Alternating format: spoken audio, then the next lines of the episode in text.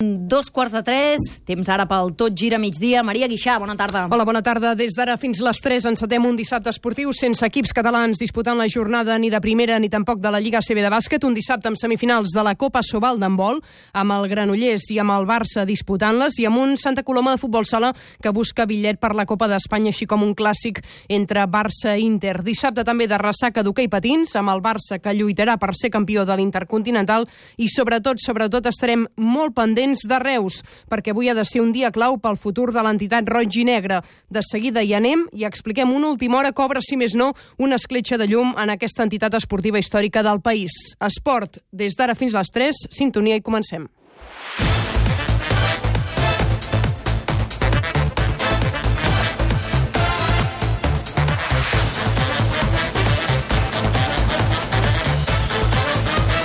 Tot gira migdia amb Maria Guixà. De seguida sentim Eusebio, l'entrenador del Girona, a la prèvia del partit de demà contra el Sevilla i també abordem l'actualitat d'Espanyol i de Barça, que també juguen demà. Però abans hem d'anar fins a Reus perquè la jornada ha començat moguda, però a priori moguda en el bon sentit.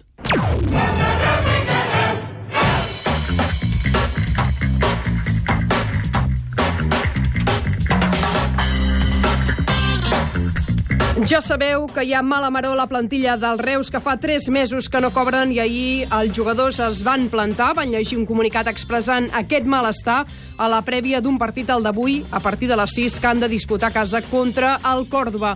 Xavi Palau, Reus, bona tarda. Bona tarda. Bona tarda, Xavi.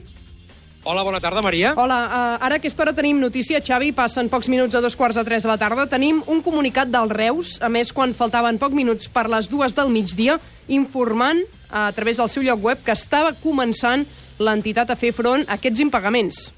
Correcte, és un comunicat que, com dius, ha fet oficial l'entitat roig i negra fa només uns minuts, uh, poques hores abans d'aquest partit que s'ha de jugar a les 6 aquí al municipal entre el Reus i el Còrdoba, i textualment aquest uh, comunicat, que és molt escuet, diu el següent, el Reus Deportiu Societat Agrària Esportiva informa que en aquests moments s'està fent efectiu el corresponent pagament als jugadors del primer equip en un procés que es completarà en les pròximes hores.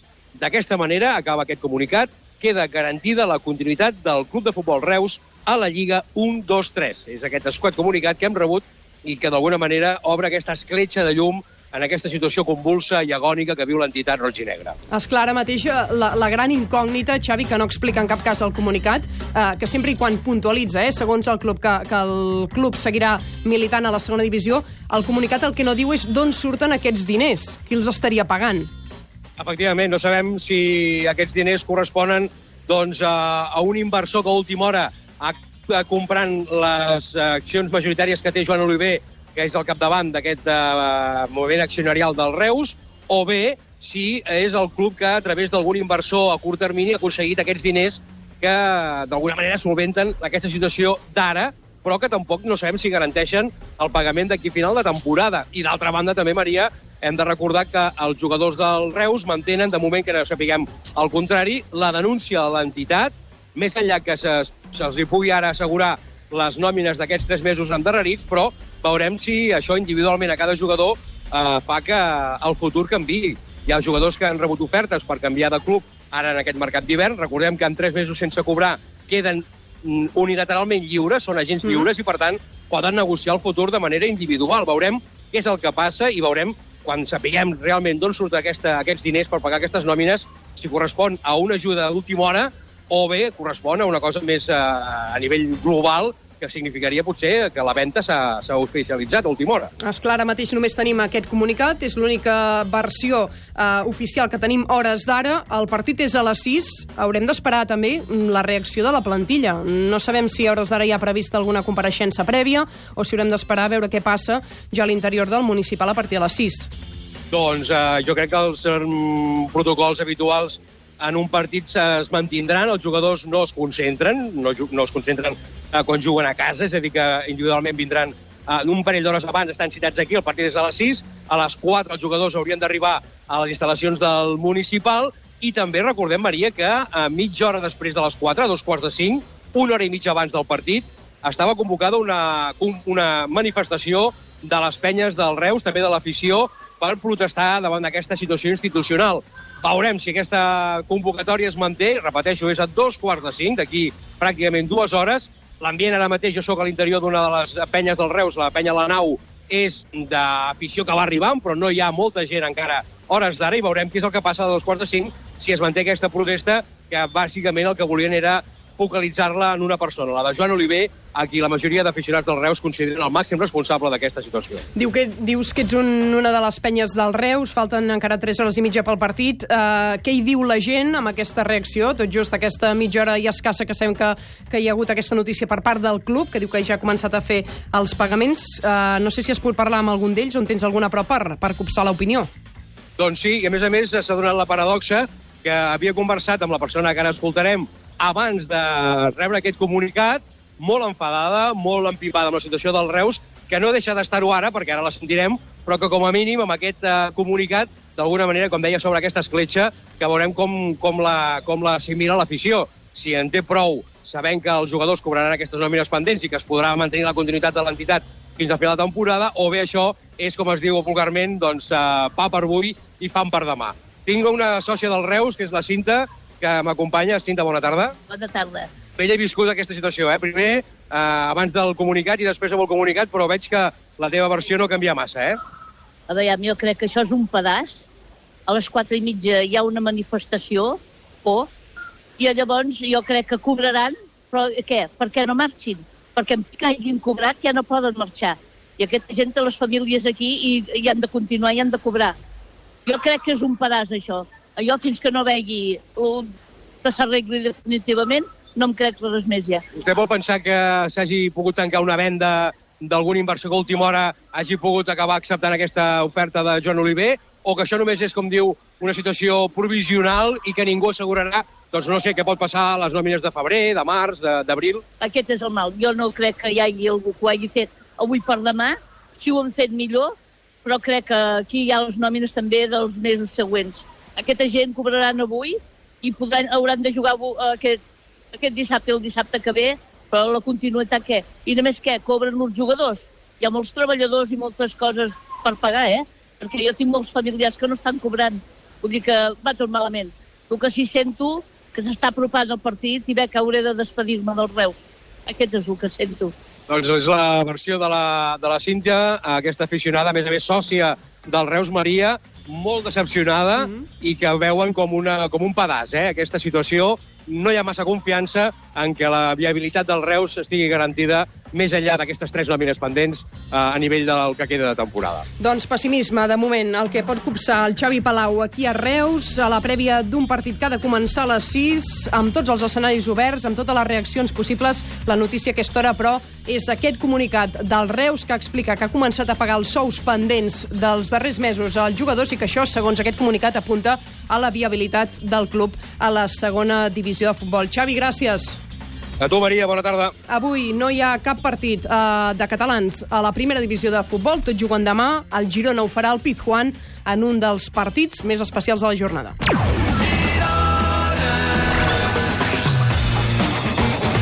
Perquè podríem dir que el Girona s'enfronta demà al seu propi passat. L'equip d'Eusebio es retroba amb el que va ser el seu extècnic, en Pablo Machín, amb el seu staff, després de l'etapa professional que tots ells van passar al club gironí. Girona, Eduard Solà, bona tarda. Bona tarda, Maria. Machín ha situat el Sevilla ara mateix a la zona noble de la classificació i Eusebio eh, vol redimir-se de l'última derrota i recuperar aquest bon to que l'ha portat també a, a mirar amunt, a mirar cap a Europa en aquests últims partits. Sí, el Girona, recordes bé, va haver de perdre a Bilbao, on va trencar una dinàmica de sis jornades consecutives sense conèixer la derrota. Ara té 21 punts a la classificació, en té 7 menys que el Sevilla, el seu rival de demà, que és segon a la classificació. Aquest any, però, el Girona no ha perdut eh, cap vegada dos partits consecutius i, per tant, les estadísti- estadístiques dirien que demà toca puntuar. Per això i també perquè el Sevilla és l'únic equip dels actuals de primera amb el qual el Girona no ha estat capaç de puntuar mai. Eusebio parla així de la cita de demà al Sánchez Pizjuán. Som d'un equip que està en un bon moment, que és un equip fort, que té molt bons jugadors, que té una dinàmica molt positiva des de que va començar la, la temporada i, i les ha col·locat al, dalt de la classificació i estan sumant molt, molts punts. Sevilla és un camp on, on es, està veient que és molt difícil per als rivals poder eh, aconseguir punts, però nosaltres confiem molt en nosaltres Però el partit de demà, evidentment, com deies, Maria, estarà marcat eh, pel retrobament del Girona amb Machín, el tècnic que va fer pujar l'equip a primera i que ha compartit les últimes temporades amb la majoria de jugadors del Girona. Eusebio reivindica que fa coses ara diferents de les que feia Machín al Girona, però també entén que alguns dels seus jugadors estiguin motivats pel partit de demà. Será un partido especial para, para nuestros jugadores porque es el entrenador que han tenido las últimas temporadas. Juntos han conseguido cosas muy importantes para, para este club y eh, imagino que a nivel personal para todos ellos pues es una persona que les ha marcado en, en un momento de, sus, de su vida, de su carrera, ¿no?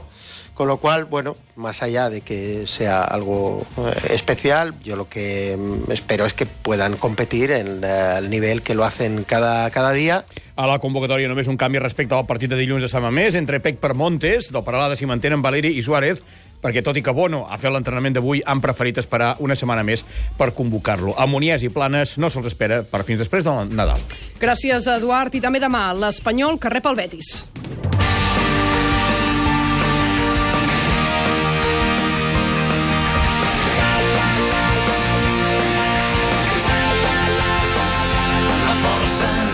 D'entrada, l'equip de Rubi el que necessita és frenar en sec la sagnia de quatre jornades perdent. I Sergi André, bona tarda. Bona tarda, Maria. Intentar revertir eh, aquesta situació davant un rival directe a la classificació. Sí, sí, eh, la ratxa negativa no pot durar més. A partir d'avui això s'ha de convertir, eh, o a partir de demà, en un punt d'inflexió.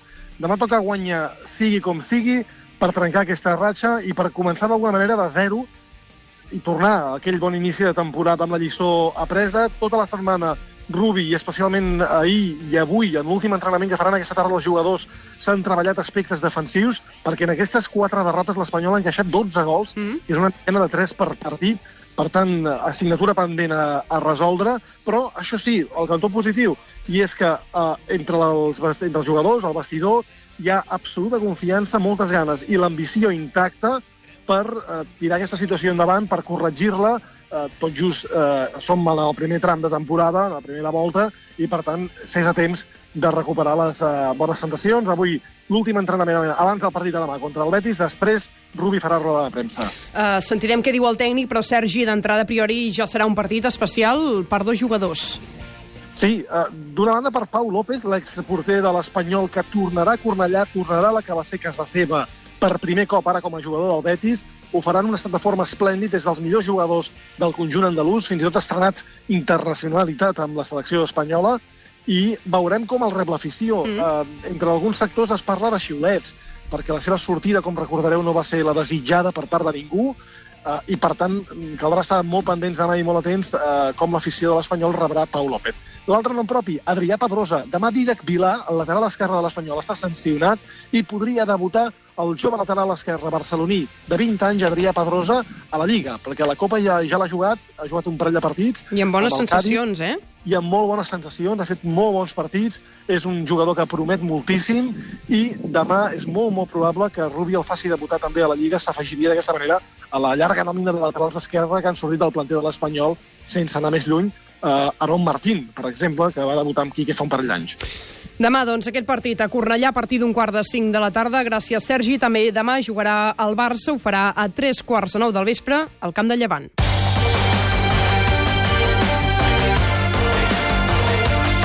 Roger Bosà, bona tarda. Què tal, Maria? Bona tarda. I podríem dir que és un camp maleït, el del Llevant. El Ciutat de València, una temporada passada al Barça, va trencar una ratxa d'imbatibilitat. Sí, no li porta gens bons records. El Barça duia aleshores 43 jornades consecutives sense perdre. La ratxa es va acabar el mes de maig i de la pitjor manera, podríem dir, 5 a 4. El Llevant guanyava per 5 a 1. Aquest és el primer argument que fa que el Barça vagi amb molta atenció, que es prengui aquest llevant eh, molt seriosament. El segon argument és la situació d'aquest llevant, un llevant ara mateix en zones europees, que és sisè i que des de l'arribada de Paco López és el tercer millor equip de la Lliga, 47 punts, això des del mes de març, només al darrere del Barça i el Madrid. El Barça, doncs, que tindrà davant un rival molt embalentit, com el seu tècnic valent i atrevit, diu que el Barça no l'espanta. No, yo creo que además hemos demostrado ya, somos un equipo que que si creo que tenemos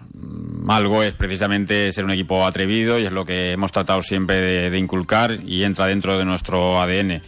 Por lo tanto, aquí no se trata de asustar, lo que sí que lógicamente sabemos y somos muy conscientes de contra qué equipo i contra qué jugadores jugamos. Màxima atenció demà. Recordem-ho, aquest llevant no només va guanyar el Barça, la temporada passada també aquesta ha guanyat el Madrid al Bernabéu. I el Barça, com l'Espanyol, avui també a la tarda, última sessió de preparació, últim entrenament. Sí, a les 6, abans a les 5, sentirem Ernesto Valverde en directe al Tot Gira, al vespre la convocatòria, i ara mateix dos dubtes. A l'11 de demà, al mig del camp, si jugarà Artur o Arturo Vidal al davant, Dembélé o Coutinho, el partit demà a tres quarts de nou. Tot això demà, protagonisme diumenge pels tres catalans a primera, però avui la jornada ja està en dansa.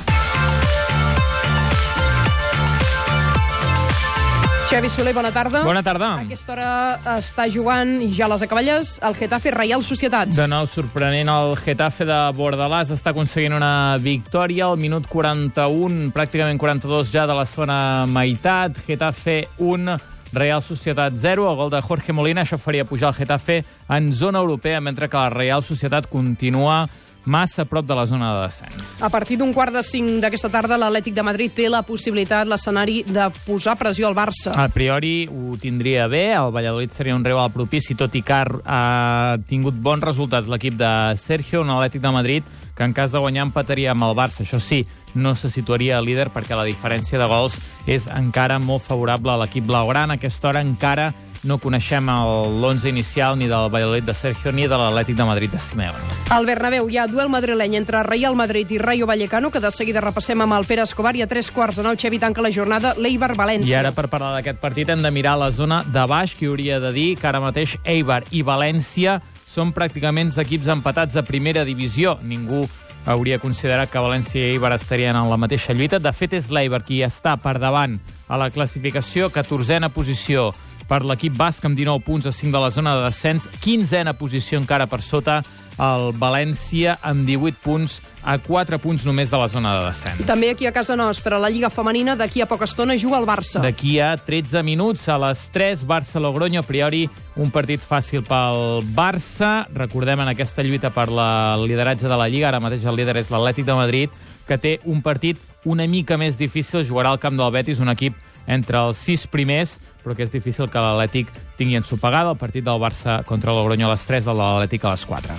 I en clau internacional, el City de Pep Guardiola vol recuperar el lideratge de la Premier. Ara mateix el recuperaria gràcies a la victòria a casa contra, uh, ara et dic el rival, el City que està guanyant per 2 a 0 contra l'Everton, amb dos gols de Gabriel Jesus, i tornaria a superar el Liverpool a falta de que l'equip de Liverpool jugui aquesta jornada.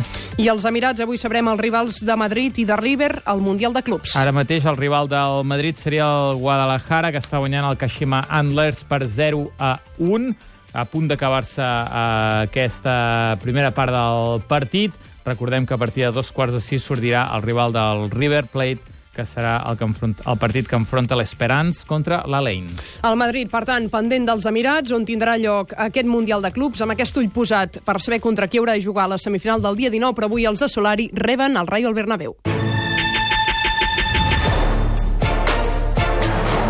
El partit al Bernabéu comença a dos quarts de set de la tarda i el Tot Gira el seguirem amb el Pere Escobar. Pere, bona tarda. Bona tarda, Maria. Tot a punt pel partit aquest que han de disputar Madrid i Rayo Vallecano. Diguem-ne que és un derbi, però és un derbi molt especial. No tant perquè les dues aficions no s'estimin massa, que tampoc, com perquè després de la derrota del Madrid davant del CSK 0-3 a l'estadi Santiago Bernabéu, avui els jugadors de Solari tindran un compromís molt complicat davant del Rayo Vallecano, que tampoc no és el pitjor rival del món, perquè és l'últim, perquè va malament, perquè té molts problemes, però que avui podria suposar un abans i un després si el Madrid torna a ensopegar a casa davant del dèbil Rayo. Ho té tot el Madrid, té tots els jugadors, tret de Bale, a vegades això és un avantatge, eh, que finalment ha acabat fora de la convocatòria. Suposo que per Bale entrarà Lucas Vázquez. I els que no entraran, com a mínim de moment, són ni Isco, que continua enfrontat amb l'afició, ni Asensio. Ho veurem a partir de quarts de set. Tot gira a migdia. Amb Maria Guixà.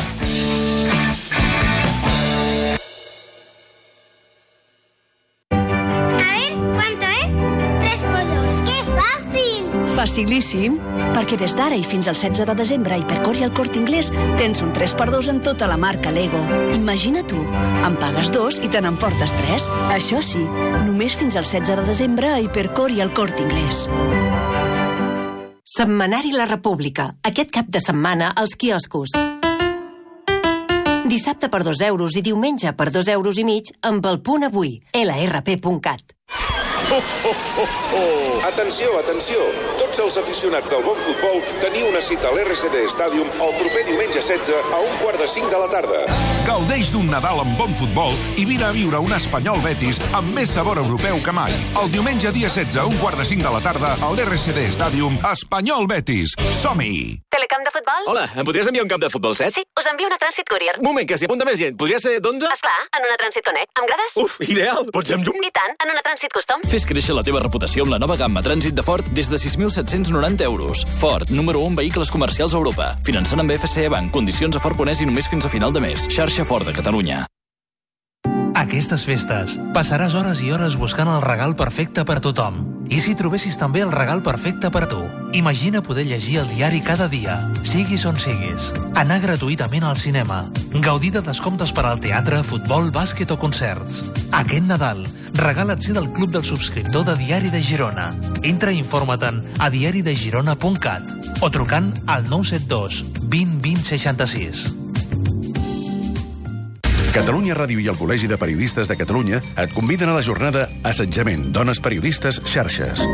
El dimarts 18 de desembre al Museu del Disseny de Barcelona, amb la projecció del documental A Dark Place i un debat amb Mònica Terribas, Cristina Fallaràs, Neus Bonet i Tània Verge, moderat per Mariola Dinarès. Assetjament, dones periodistes, xarxes. Una reflexió sobre l'impacte emocional i professional que provoca l'assetjament a les xarxes socials, de la llibertat d'informació com a símptoma de qualitat democràtica i de la igualtat de gènere en el periodisme. Demana la teva entrada gratuïta enviant un correu a entradacr arroba catradio.cat. Entradacr arroba catradio.cat.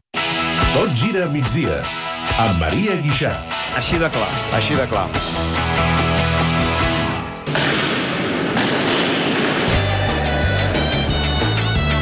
Vuit minuts i seran les 3 de la tarda. El Barça d'hoquei patins vol arrodonir l'any amb un nou títol, el de la Copa Intercontinental, que l'equip d'Edu Castro buscarà davant el Porto, en el que serà la reedició de la final de la Copa d'Europa d'aquest any. Montsemir, bona tarda. Bona tarda. Els blaugranes es planten a la final després d'eliminar l'equip anfitrió, el Concepción de San Juan. Recupera Álvarez y saca la contra. La pide Vargasol.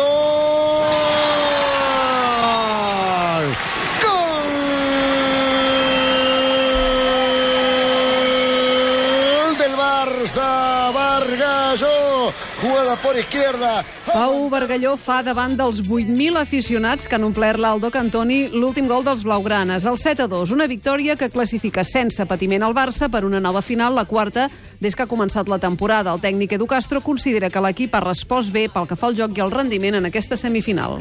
Hem anat 2 a 0 al descans, havent jugat molt bé els minuts finals, sobretot el, o mitjos de la, de la primera part, i hem dit que no valia amb el 2 a 0, que havien d'anar a guanyar també la segona part, jo crec que l'equip ha respost molt bé en aquest sentit i, i hem fet un partit molt seriós, que és el que necessitàvem aquí per no passar angúnies al final. Són declaracions de l'entrenador blaugrana Barça TV. El màxim golejador del partit ha estat el portuguès Joao Rodríguez amb 3 gols. Es la consecuencia de trabajo y si no marco y hago las cosas bien, quedo contento en la misma. Si el equipo gana, eso, los goles van a aparecer eh, cada vez más. Eso es normal de, de- de estar cada vez más adaptado. Y bueno, si no, si no viene y ganamos, perfecto. Firmo, ah, firmo todo. Que ganemos, eso es lo más importante. La final serà la matinada de diumenge dilluns contra el Porto, la tercera d'aquest any entre els dos equips després de la de la Lliga Europea i de la Copa Continental, totes dues guanyades pel Barça. L'equip portuguès, entrenat per Guillem Cabestany i on juga el porter Carles Grau, va superar per 7 a 5 el Murialdo de Mendoza a l'altra semifinal. Avui, una altra catalana, Aina Arxer, juga amb el Benfica a les semifinals de la competició femenina. I ara en vol perquè la ciutat de Lleida es converteix en l'epicentre del millor en vol estatal.